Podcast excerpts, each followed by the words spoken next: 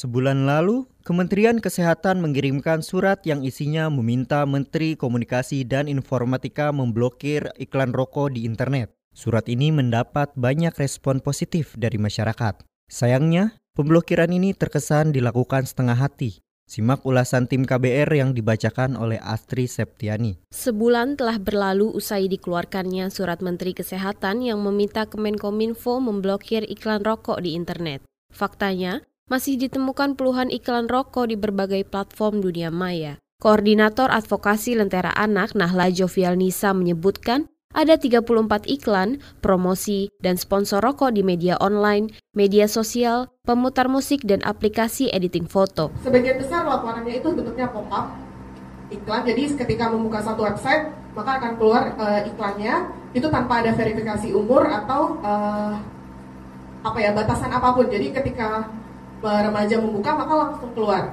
uh, iklannya. Hal serupa disampaikan aktivis Forum Warga Kota Jakarta atau Fakta Tubagus Haryo. Menurutnya, wacana pemblokiran iklan rokok di internet oleh pemerintah hanya sekadar basa-basi. Yang bisa dilakukan sebetulnya oleh Kominfo adalah sekarang dengan rezim pembatasan ini adalah tidak boleh ada iklan rokok di internet apa pun selama dia tidak lakukan verifikasi usia.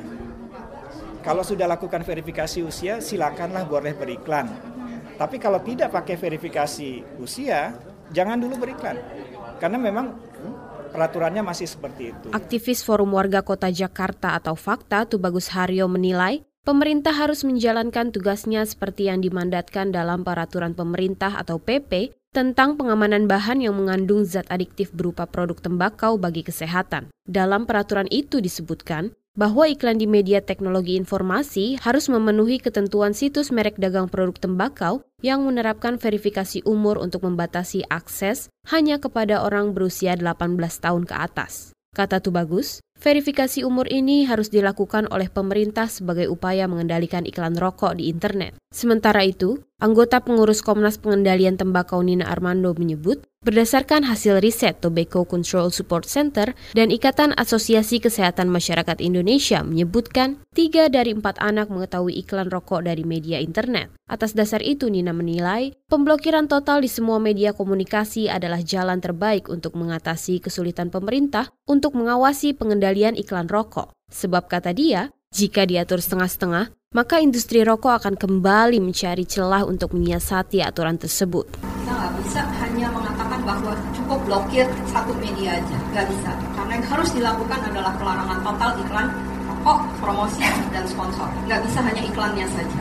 Kenapa? Nggak bisa juga hanya promosinya aja. Atau dia nggak boleh misalkan hanya uh, sponsornya aja. Nggak bisa. Seluruhnya adalah harus dilarang total. Karena itu jadi paket yang mereka lakukan menggunakan berbagai media dan kalau ada pelarangan sebagian atau parsial aja tidak akan efektif.